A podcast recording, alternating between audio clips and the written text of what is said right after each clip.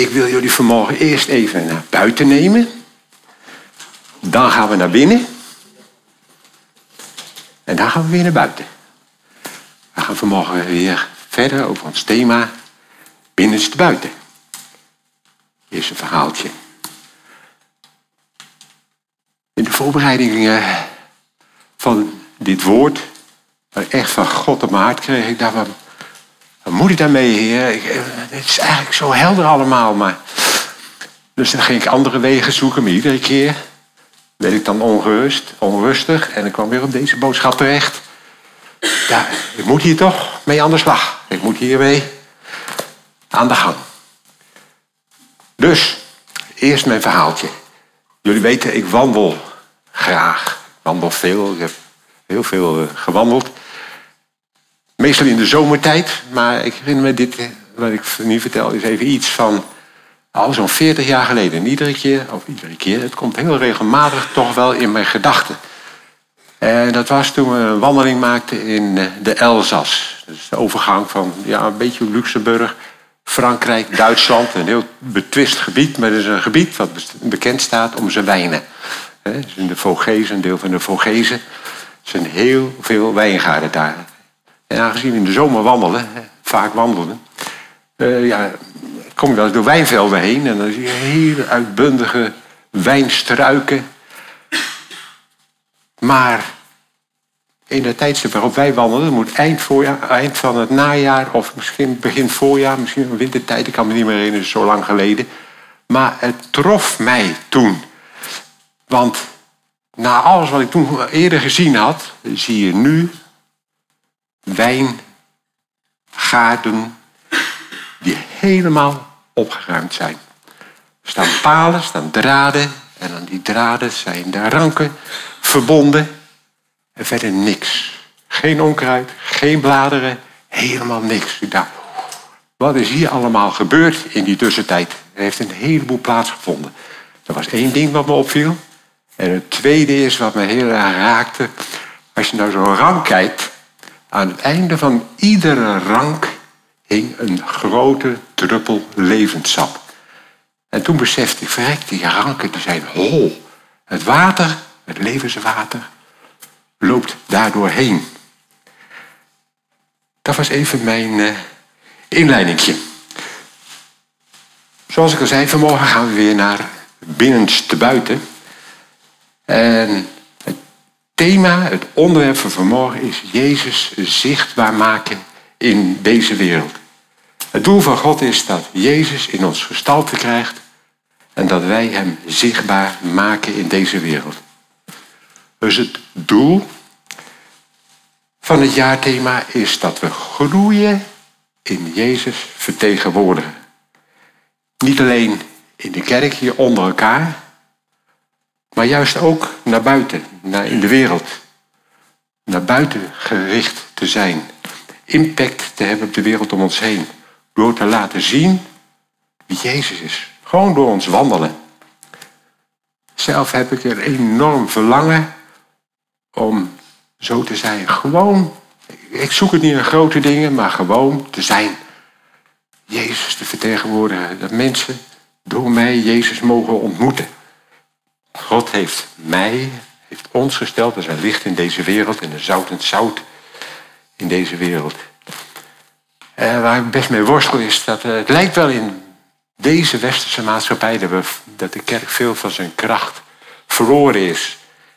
En ja, hoe komt dat nou? Daar gaan we vanmorgen over nadenken. Dit woord dat gaat echt stapsgewijs in allerlei fases steeds dieper bij de kern komen. Dus één onderwerp waar we gewoon steeds dieper gaan uh, benaderen. We gaan eerst kijken, Jezus was ons voorbeeld. Het is eigenlijk allemaal zo eenvoudig. Maar het duurde bij mij wel even voordat het kwartje echt viel wat God hier bedoelde. Als we kijken Jezus is ons voorbeeld. Als we zien vanaf de schepping, God heeft ons gemaakt naar zijn beeld. toen kwam de zondeval. En die heeft het hele beeld eigenlijk behoorlijk ja, op zijn kop gezet. Weinig meer van zichtbaar. Maar dat was wel Gods plan. En jullie kennen die hele geschiedenis. Het ging steeds meer bergafwaarts. Maar dat beeld van God, dat, zoals hij de mens geschapen had, moest hersteld worden. En daarvoor is Jezus gekomen. Hij is gekomen in deze wereld als de enige geboren zoon. Hij de enige geboren zoon van God die naar deze aarde kwam om te laten zien aan ons hoe de Vader het bedoeld had.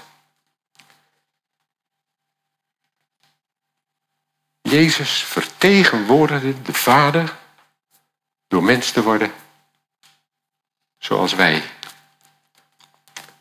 Hoe deed Jezus dat? Hij deed dat door één te worden met zijn Vader. En we hebben stilgestaan. Hij is 30 jaar voorbereiding voordat hij echt in de bediening ging, zo gezegd. 30 jaar voorbereiding.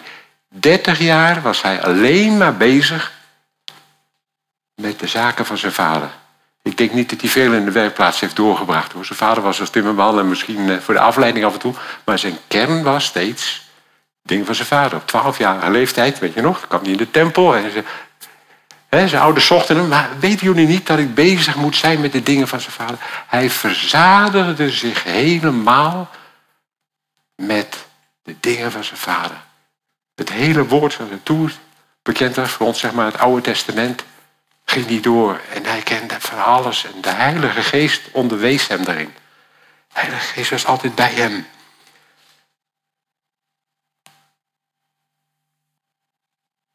Hij wilde en kon niets doen dan zonder dat hij de Vader zag doen. Van binnen, hij vulde ze eerst helemaal van binnen en toen naar buiten. En zo kon hij zeggen, dat was zijn getuigenis, als jullie mij gezien hebben, heb je de Vader gezien. En daarin is hij een voorbeeld voor ons. Hoe kan Jezus nu zo gestalte in ons krijgen dat hij zichtbaar wordt in ons, door ons, in de wereld? Dat wanneer ze ons ontmoeten, wanneer ze mij ontmoeten, dat ze een ontmoeting met Jezus hebben. Weet je, een, quote van, eh, een uitspraak van eh, Bill Johnson is dat wij als christenen de mensen een ontmoeting met God verschuldigd zijn. Daar gaan we verder over nadenken. Hoe krijgt Jezus gestalte in ons leven en maken we hem zichtbaar in de wereld? En daarvoor gaan we naar Johannes 15, vers 1 tot 17, de Bijbeltekst. Ik ben de ware wijnstok, zegt Jezus. En mijn vader is de wijngaardenier. Elke rank in mij die geen vrucht draagt, neemt hij weg. En elke rank die vrucht draagt, reinigt hij, opdat zij meer vrucht draagt. U bent al rein vanwege het woord dat ik tot u gesproken heb. Alvast even een kleine toelichting, want ik wil niet in allerlei facetten gaan, maar als je in hem gelooft, dan ben je rein. En dan zit je aan die wijnstok van hem vast. En dan word je niet weggenomen. Blijf in mij en ik in u. Zoals de rank geen vrucht kan dragen uit zichzelf als zij niet in de wijnstok blijft, zo ook u niet als u niet in mij blijft. Ik ben de wijnstok, u de ranken. Wie in mij blijft en ik in hem, die draagt veel vrucht. Want zonder mij kunt u niets doen. Als iemand niet in mij blijft, wordt hij buiten geworpen. Zoals die ranken verdord en men verzamelt ze en werpt ze in het vuur en ze worden verbrand. Als u in mij blijft en mijn woorden in u blijven, vraag wat u maar wilt en het zal u ten deel vallen. Hierin wordt mijn Vader verheerlijkt dat u veel vrucht draagt en mijn discipelen bent. Zoals de Vader mij liefgehad heeft, heb ik ook u liefgehad. Blijf in mijn liefde. Als u mijn geboden in acht neemt, zult u in mijn liefde blijven, zoals ik de geboden van mijn Vader in acht heb genomen en in zijn liefde blijf. Deze dingen heb ik tot u gesproken, opdat mijn blijdschap in u zal blijven en uw blijdschap volkomen zal zijn. Dit is mijn gebod dat u elkaar lief hebt, zoals ik u heb lief gehad. Niemand heeft grotere liefde dan deze, namelijk dat iemand zijn leven geeft voor zijn vrienden.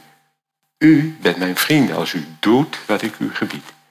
Ik noem u niet meer dienaren, want een dienaar weet niet wat zijn heer doet. Maar ik heb u vrienden genoemd, omdat ik alles, u alles wat ik van mijn vader gehoord heb, u bekendgemaakt heb. Niet u hebt mij uitverkoren, maar ik heb u uitverkoren. En ik heb u ertoe bestemd dat u zou heen gaan en vrucht dragen en dat uw vrucht zou blijven. Opdat wat u ook maar vraagt, van de Vader vraagt in mijn naam, hij u dat geeft. Dit gebied ik u, dat u elkaar lief hebt. We gaan eerst eens even kijken naar de context van deze gelijkenis. Het is het laatste onderwijs wat Jezus aan zijn discipelen geeft. Zeg maar zijn, testament. Zo heb ik dat ervaren. Hij had hen net verteld en nu, het wel eens vaker gezegd, maar toen hebben ze het helemaal niet gepakt, niet begrepen. Maar had hen net verteld in het voorgaande hoofdstuk dat hij hen zou verlaten. Maar dat hij hen niet zou achterlaten dat er een andere trooster, een andere helper, een plaatsvervanger zou komen. En in Efeze 1, vers 14 staat dat is het onderpand van zijn erfenis. Die hebben wij gekregen. En die zou altijd bij hen zijn en hen leren en in herinnering brengen wat Jezus allemaal gezegd had. Ze hadden net de bovenzaal verlaten, het laatste vers in het voorgaande hoofdstuk, en ze waren op weg naar de hof van Gethsemane. In het laatste vers van het hoofdstuk staat dat de beek Kidron nog niet waren overgestoken. Dus we hadden, maakten een hele wandeling. Misschien liep je wel door de wijngaarden. Ik weet het niet. Hij gaf die aanschouwelijk onderwijs. Maar ze waren best wel mee bekend. Zij waren ermee bekend. Wij zijn in Nederland helemaal niet bekend met uh, wijngaarden. Dan de timing. Dit was het moment waarop zij die boodschap moesten horen. De timing van God is altijd perfect. Jezus zegt, ik ga zo meteen weg en ik kan er niet meer zijn om jullie te helpen als jullie worden uitgezonden. Hoe zouden zij dan straks zijn opdracht kunnen uitvoeren en vruchtbaar zijn? Moet je denken aan de geschiedenis van God. Dat vind ik allemaal een wonderlijk. volk Israël. Ze hadden Gods geboden. God was bij hen. Ze hij was eigenlijk zichtbaar aanwezig in die wolk. In het vuur. En toch, het ging zo vaak mis. En daarin heeft God nu voorzien. We hebben gewoon zijn hulp nodig. We hebben zijn hulp nodig en dat is door de Heilige Geest die in ons is komen wonen wanneer we zijn gaan geloven. En we hebben een innerlijke verandering nodig. Wat in Genesis al staat bij Adam van je zult zeker sterven. En dat is in de eerste plaats dus geest. De geest is gestorven en daardoor miste, we, miste hij het contact met God. Maar de Heilige Geest, na de opstanding, Oh ja, dus eh, we zijn een nieuwe schepping geworden. En straks moesten ze wachten voordat Jezus, uh, net voordat Jezus naar de hemel ging, zei hij, jullie moeten wachten, wachten op de kracht van God die over jullie komt. Die hadden ze gewoon nodig, want zonder die kracht kunnen ze helemaal niets doen. Ze moesten de kracht van de, uit de hoogte bekleed worden. Nou, en dat na dit hoofdstuk zit er nog een hoofdstuk 16. Dat gaat helemaal grotendeels over de Heilige Geest en wat er allemaal zou gaan plaatsvinden. En daarna volgt het hoge priestelijk gebed. En dat is het eigenlijk het einde van, ja, ja de lessen dat Jezus bij hen is. Daarna zou die worden overgeleverd. Dus dat is de context van het hele gebeuren.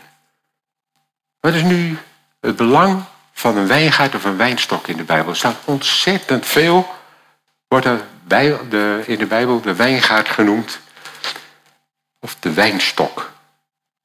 Gaan we lekker niet behandelen. Mogen je zelf eens onderzoeken, maar dat is op zich heel boeiend. Jezaja 5 vers 7 geeft aan dat Israël een wijngaard is die door God is geplant. En psalm 80, dat is een magnifieke psalm. Dat gaat over Israël als wijnstok. Is twee verschillen, daar komen we zo meteen nog wel op. Een wijngaard en een wijnstok. Maar het tweede deel van die psalm 80, die spreekt over Israël als de wijnstok die God in Egypte had uitgegraven. En hij had uit de heidevolk had hij gekozen. Heeft daar de heidevolken uit verdreven en heeft daar die wijnstok geplant. Een prachtig beeld, toch? Israël als wijnstok geplaatst in Canaan door God.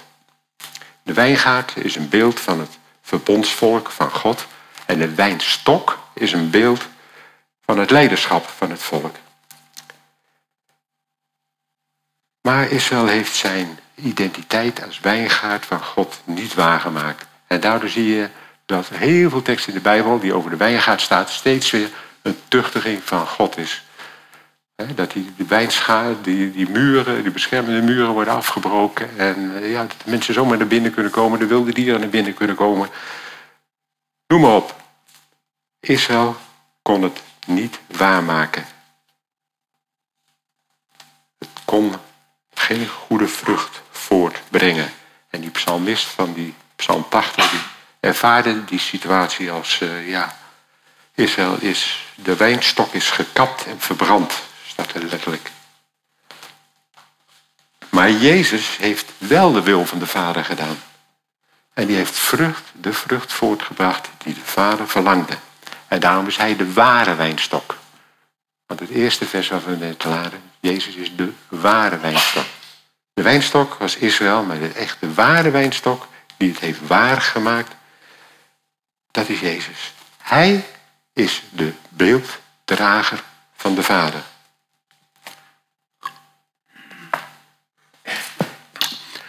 Nou, omdat een wijnstok voor ons niet echt vertrouwd is in Nederland, even nog een kleine toelichting. Een, wijnstok, een uh, wijnplant die bestaat uit een wijnstok, dat is eigenlijk de stam, en daar groeien de ranken aan.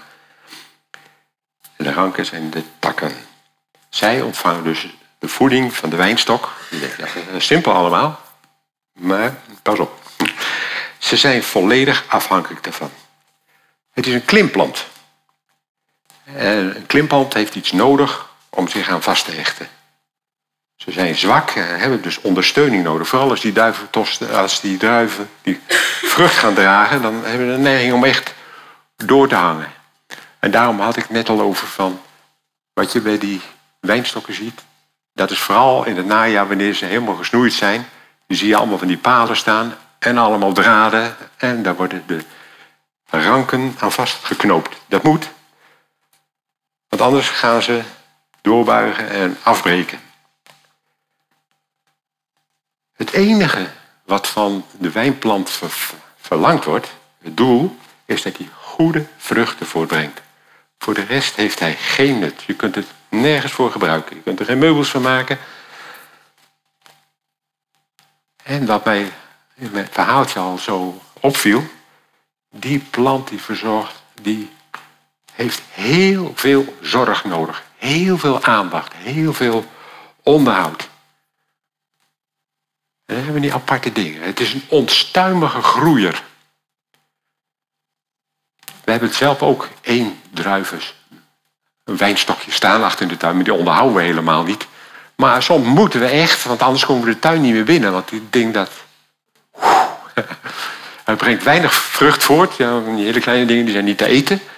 Maar die takken die gaan uh, echt tekeer. En de bladeren, die moet gewoon regelmatig gesnoeid worden. Wij moeten ook regelmatig in de zomerperiode even de schade erin... om dat ding even weer binnen de perken te brengen. En daar zit zo'n diepgang in. Zo, ik herkende mezelf daarin. Dat zegt zoveel, zo'n wijnplant zegt zoveel. Het zegt iets van Het brengt bladeren voort. Het zegt iets van onze passies en hartstochten. Ik ben bij mezelf, ik heb heel veel belangstelling voor allerlei dingen. Weet je wel, hierheen, daarheen, daarheen. En al die zijtakken en bladeren overal in vergen onze aandacht. Het brengt geen vrucht voort. We worden zo afgeleid. Door al die dingen. En die bladeren, die overbodige takken, die moeten eraf om die vrucht te kunnen laten groeien. Begrijpen jullie? We laten ons zo afleiden door onze passies en begeertes. En dat herkende ik in mezelf. Daar moet paal en perk aan gesteld worden. Het is gewoon nodig. Dan die vruchten. Die vruchten komen niet van de een op de andere dag. Die beginnen heel klein, beginnen heel rustig, daar gaat een proces overheen. Er is tijd voor nodig. En het doel is om zoveel mogelijk kwalitatieve druiventrossen te kweken om wijn van te maken.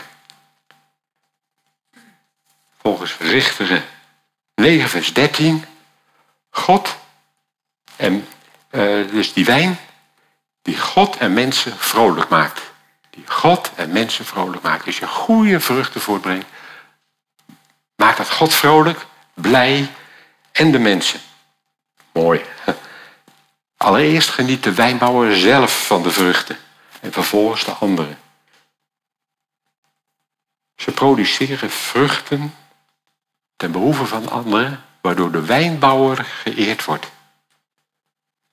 Als we goede vruchten voortbrengen, wordt de wijnbouwer geëerd.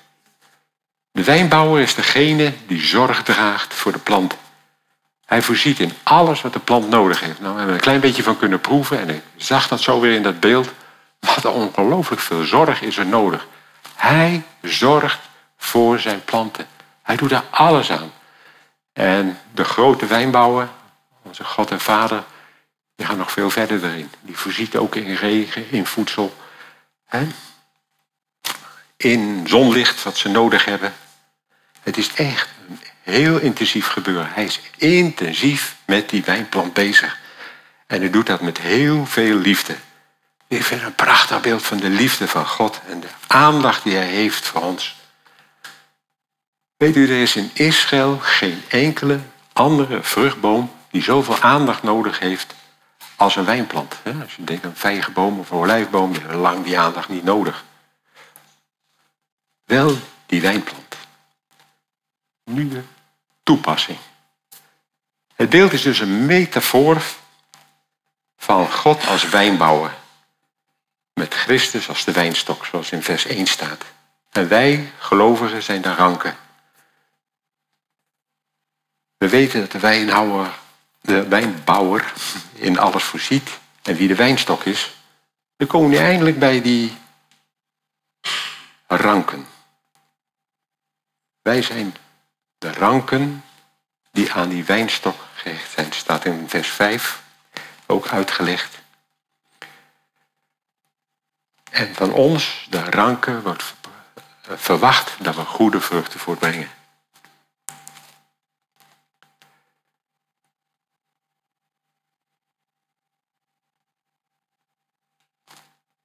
En dat kost ons eigenlijk helemaal geen moeite. Dat vind ik frappant als je ziet wat er allemaal gebeuren moet voor die plant. Maar die vrucht, die rank mag gewoon vrucht dragen. Gewoon vrucht dragen. Als die maar met die wijnstok verbonden blijft, dan gaat hij vanzelf vrucht dragen. Daar hoeven we helemaal geen inspanning voor te doen. Helemaal niks. Hij gaat vrucht dragen. En het gaat erom dat de wijnbouwer daardoor verheerlijkt wordt. En door die vruchten heen de mensen de wijnbouwer gaan kennen. Vers 8. Hierin wordt mijn vader verheerlijkt dat u veel vrucht draagt en mijn discipelen bent. Als we goed verbonden blijven aan die wijnstok, komen die vruchten vanzelf. De overeenkomst van de wijnstok en de ranken is dat er een wederzijdse intieme relatie bestaat tussen Christus en de gelovigen. Wij hoeven ons alleen maar open te zetten. Het buisje waar dat levensvocht heen gaat, moet gewoon openstaan. Nog een laagje dieper. Anna, ik heb het even van jou geleend. Laagje dieper. Wat moeten we ons voorstellen bij goede vruchten? Goede vruchten is dat het karakter van Jezus zichtbaar wordt in ons leven. 2 Petrus 1 vers 3 zegt dat Gods vrucht, Gods vrucht, zichtbaar wordt door de kennis van Hem. Ik denk ook altijd aan Hem, dat geeft me meer de relatie aan. Die ons geroepen heeft door Zijn heerlijkheid en deugd. We hebben Zijn glorie gezien. We hebben gezien wat Hij allemaal gedaan heeft. En daar, daardoor zijn wij geroepen. Dat heeft ons hart geraakt. We worden een levende openbaring van Gods karakter. We gaan zijn beeld weerspiegelen. Doordat we worden zoals God ons bedoeld heeft. We worden weer. We gaan steeds meer lijken op het beeld zoals God ons bedoeld heeft. Zoals hij ons gemaakt heeft. Door Jezus. Zoals Jezus het volmaakte beeld van de Vader toonde. Toen hij hier als mens op aarde wandelde. Zo mogen wij het beeld tonen aan de mensen rondom ons. Doordat we deel hebben gekregen aan de goddelijke natuur. We kunnen dat niet zelf. We hebben Hem nodig. De vruchten worden dan een bron van levend water. Een stroom van levend water om anderen te dienen. Johannes 4, vers 14. Nog even. Wat denk je aan bij de vruchten van de geest? Dan denk je vaak onmiddellijk, als je de Bijbel een beetje kent, aan Galaten 5, vers 21 en 22. De vruchten van de geest. Liefde, blijdschap, vrede, uh, geduld, goedheid, geloof, zachtmoedigheid, zelfbeheersing.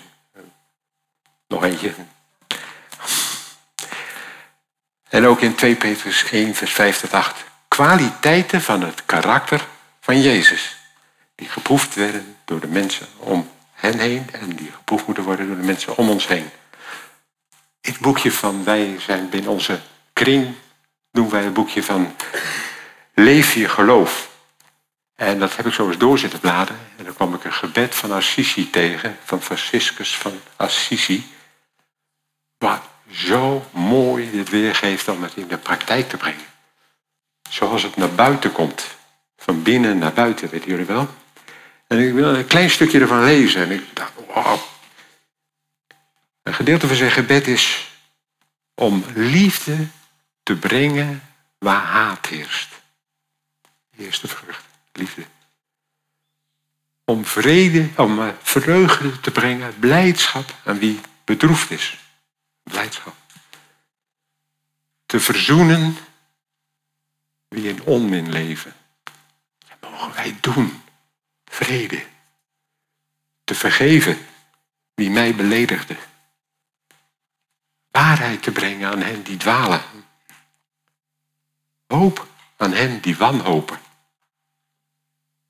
Licht aan wie in duisternis is. Troost aan wie troost nodig heeft. Te geven aan wie iets tekort komt. Kun je denk ik nog veel langer maken. Maar dit is gewoon heel praktisch wie we kunnen zijn in de wereld. Zonder inspanning, natuurlijk, omdat God in ons werkt. Maar nu gaat het erom om die goede vruchten voor te brengen. Daarvoor moeten we goed verbonden blijven aan de wijnstok. Open te zijn voor zijn voeding, voor zijn woorden. En nu wil ik vragen of je de tweede slide wil laten zien. Wat wil Jezus nou duidelijk maken? Daarom zat ik in het begin ook van, Heer, wat moet ik hier nog verder over zeggen? Wat wil Jezus nou duidelijk maken? Het is tien keer dat er staat van, blijf in mij. Blijf in de wijnstok. Blijf in mij. Blijf in mijn woorden. Blijf in mijn liefde. Hoe kan hij het nog nadrukkelijker uitspreken? naar voren brengen. Blijf in mij. Dat is het enigste, het enige wat we moeten doen. Blijf in mij. Dat is van vitaal belang. En dat is onze enige verantwoordelijkheid. Lijkt eigenlijk zo eenvoudig. Waarom moest de Heer daar zo de nadruk op leggen? Wat betekent het nu om praktisch in hem te blijven? Want daar gaat het uiteindelijk om. Hè? Eh, ja, oké, we moeten in hem blijven, maar hoe doen we dat nou? Is dat we voortdurend in hem afges, op hem afgestemd blijven. Maar wat we straks ook al even vermeld hebben, we worden zo gemakkelijk afgeleid. Door al onze verleidingen. Denk eens aan de gelijkenis van Matthäus 13. Het zaad wat tussen de dorens en de distels valt. Wat gebeurt ermee? Het wordt verstikt. Het komt niet tot vrucht. En wat ik net al noemde met die weelderige wijnplant. Al die overbodige dingen die moeten gekapt worden. Waaraan besteden we onze tijd? Ik besefte dat op een gegeven moment ook. Eh, misschien een jaar geleden van. Ja, dat mobieltje, weet je wel. Ik zie. Ik zag Facebook, Instagram en uh, YouTube en allemaal leuke filmpjes, weet je wel. Maar voordat ik wist, was ik een uur verder. En ik besefte van, dit is niet goed gewoon. Dus ik heb gewoon Facebook geschrapt, Instagram geschrapt, YouTube eraf geknikkerd. En het gaf me in één keer een heleboel meer tijd en voorzienigheid. Ik heb echt het verlangen om heel veel met God bezig te zijn. En dat mag ik gelukkig. Ik heb er een vrije tijd voor. Als ik kijk in mijn werkzame leven had ik die honger ook al. Maar ik was zo opgeslokt door mijn werk. Zo druk. Er werd zoveel van me gevraagd. Lange dagen. En toen was ik bij Herman Boon geweest. Dus ik dacht de tweede keer dat hij binnen een vaste deed. En dan werd ik zo door hem aangesproken. En dat heeft me zo geholpen. In dit opzicht, zoek God elke dag. En de enige mogelijkheid was voor mij, s'morgens vroeg opstaan. Dus ik ging om vijf uur uit bed. En ik ging eerst tijd houden met God. Vol was wel met zo'n lange dag, die s'avonds soms helemaal af was. En ik geen pap meer kon zeggen.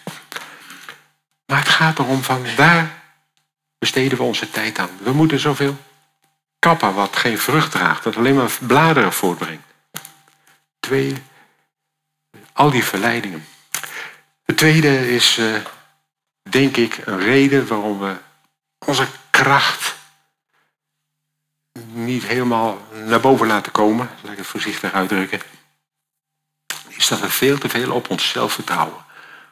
Het moeilijke van onze maatschappij is hier dat we zoveel zelf kunnen. En we denken God niet nodig te hebben. We hebben hem wel nodig. Maar we gaan het altijd vaak zelf allemaal maar invullen. Ik spreek in de eerste plaats over mezelf hoor. Laat ons zo opslokken al die zaken die gebeuren moeten. Waardoor we geen tijd of onvoldoende tijd hebben met om door te brengen met God. Soms denk ik we willen onszelf tot God zijn. Weet je wel, nee, kan ik allemaal zelf wel. Net zoals Adam, van begeren om zelf als God te zijn. Zit er nog altijd in. Maar gelaten 2, vers 24, dat is twee versen na die vruchten van de geest. Maar wie van Christus zijn, hebben het vlees met een hartstochten en begeerte gekruisigd. Nou wat?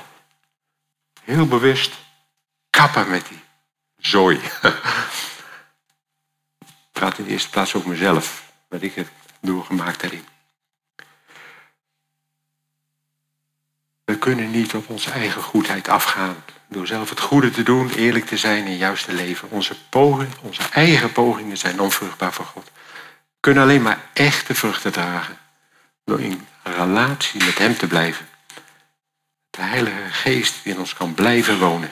We kunnen niet zonder Gods hulp. En daarom moesten de discipelen wachten op de Heilige Geest. Maar de Heilige Geest is gekomen, die is er en die woont in ons. Dat mogen we beseffen. En laten we hem niet, uit, niet bedroeven en niet uitdoven, maar hem uitnodigen.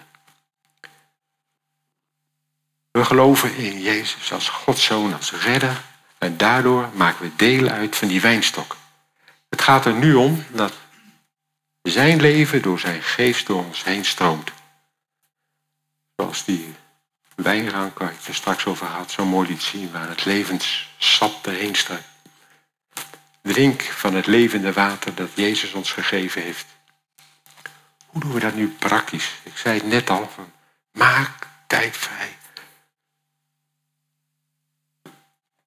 Ik ben regelmatig bezig met hem, met zijn woord. Toevallig zag ik een e-mailtje, heb je ook weer zoiets, e-mailtjes. Maar deze was best heel positief. Eh, de eerste regel was verzadig, was in het Engels. Verzadig je denken met God. Verzadig je hele denken. Doordrenk je denken met God. Neem er echt tijd voor om te bidden en te mediteren. Vragen aan Jezus stellen. Je mag gewoon vragen. Elke dag bidden. Elke dag bidden. Heer, wat is uw wil voor mij voor deze dag? Dat zijn helemaal niet grote dingen. Leg het voor hem neer. En wie weet wat voor ontmoeting je mag hebben met hem. Dat is je voor hem openstellen. Door met aandacht te lezen en de Heilige Geest te vragen om uitleg. Eigenlijk hem steeds te vragen wat zijn wil is in iedere situatie. En dat is zo lastig. Iedere keer als ik ook ergens mee bezig ben, dan ben ik daarmee bezig. Maar daar mogen we in groeien. Die vruchten mogen groeien. Waar Herman Boon een lied op heeft gemaakt. Laat God delen in alles wat je doet. Laat God delen in alles wat je doet. Dan kan Hij je levensweg bepalen. Het is amen. Jezus zelf is ons voorbeeld. Hij zegt, mijn vader leeft in mij en doet in mij zijn werk. Wat zou ik graag, en dat wil ik nu zeggen. Jezus leeft in mij en doet in mij zijn werk. Hij doet in mij zijn werk. Het vergt van ons een keuze en een besluit. En zal de Heilige Geest ons helpen om die ook te kunnen doen.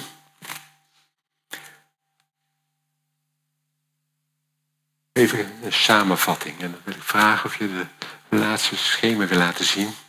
Ons thema van binnenste buiten. Je ziet, je moet eerst gevuld worden. Eerst gevuld worden met Jezus. En dan komt die vrucht naar buiten. Dan gaat hij de wereld in. Dit is Gods plan. We zijn geschapen naar Gods beeld. Door de zondeval is dat beeld behoorlijk vertroebeld. Maar Jezus, Gods zoon, is mens geworden om dat beeld weer te herstellen. Hij is het voorbeeld. Hij heeft het ons voorgedaan. Door geloof en wedergeboorte herstel plaats in ons. Dan worden we een nieuwe schepping naar het beeld van God. Maar de geest is wel hersteld, maar het vlees moet eraan onderdanig worden. Dat moet hersteld worden. Door vernieuwing van denken. Daarvoor moeten we ons steeds voeden van Hem. En moeten we met behulp van Hem onze hartstochten onder bedwang brengen en onze reacties. Door in Jezus te blijven, wordt Hij zichtbaar door ons heen. En we blijven in Jezus door ons helemaal op Hem af te stemmen.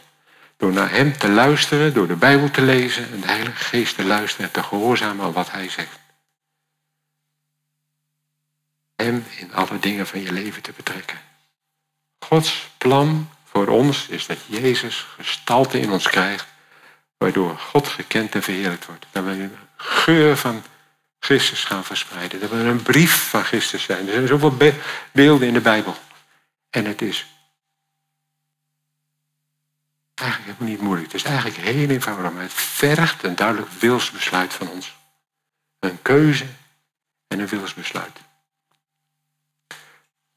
Nou, ik uh, van dit maak, heb een, samenvatting en dat wil ik uh, uiterlijk maandag in de mail zetten. Wat de livegroeps die daar mee bezig willen zijn, daar komende week mee uh, aan de slag kunnen. Er staan een aantal vragen in. Maar ik heb ook wel een activatie voor dit moment. Om daar handen en voeten aan te geven. Maak een keuze. Een besluit om elke dag te starten. Ik denk dat het de beste tijd is te starten. De tijd te nemen om God te zoeken. De Bijbel te lezen En Jezus te vragen wat zijn wil is voor jou voor de komende dag. Waarin Hij wil dat je vrucht draagt vandaag. Tweede, ik er vanmorgen nog bijgevoegd van, kijk eens hoe je je tijd besteedt. Denk daar eens over na. Ik afsluiten met uh, het gebed. Hemelse Vader. Heer, ik ben zo onder indruk van wie u bent. Van uw liefde, uw zorg voor ons, Heer. Die ons dag en dag draagt. Dat u zo intens bezig bent met ons. En zo naar ons kijkt. Dat u, ons, dat u zich verheugt in ons. Dank u wel, Heer, dat u ons helpt dat we mogen groeien in u. Dank u wel dat u ons de kracht geeft om ons open te stellen voor u, zodat u in ons vrucht kan dragen. Heer, en daarmee wil ik, daarmee zegen ik mijn broers en zussen in de machtige naam van onze Heer Jezus Christus, onze wijnstok. Amen.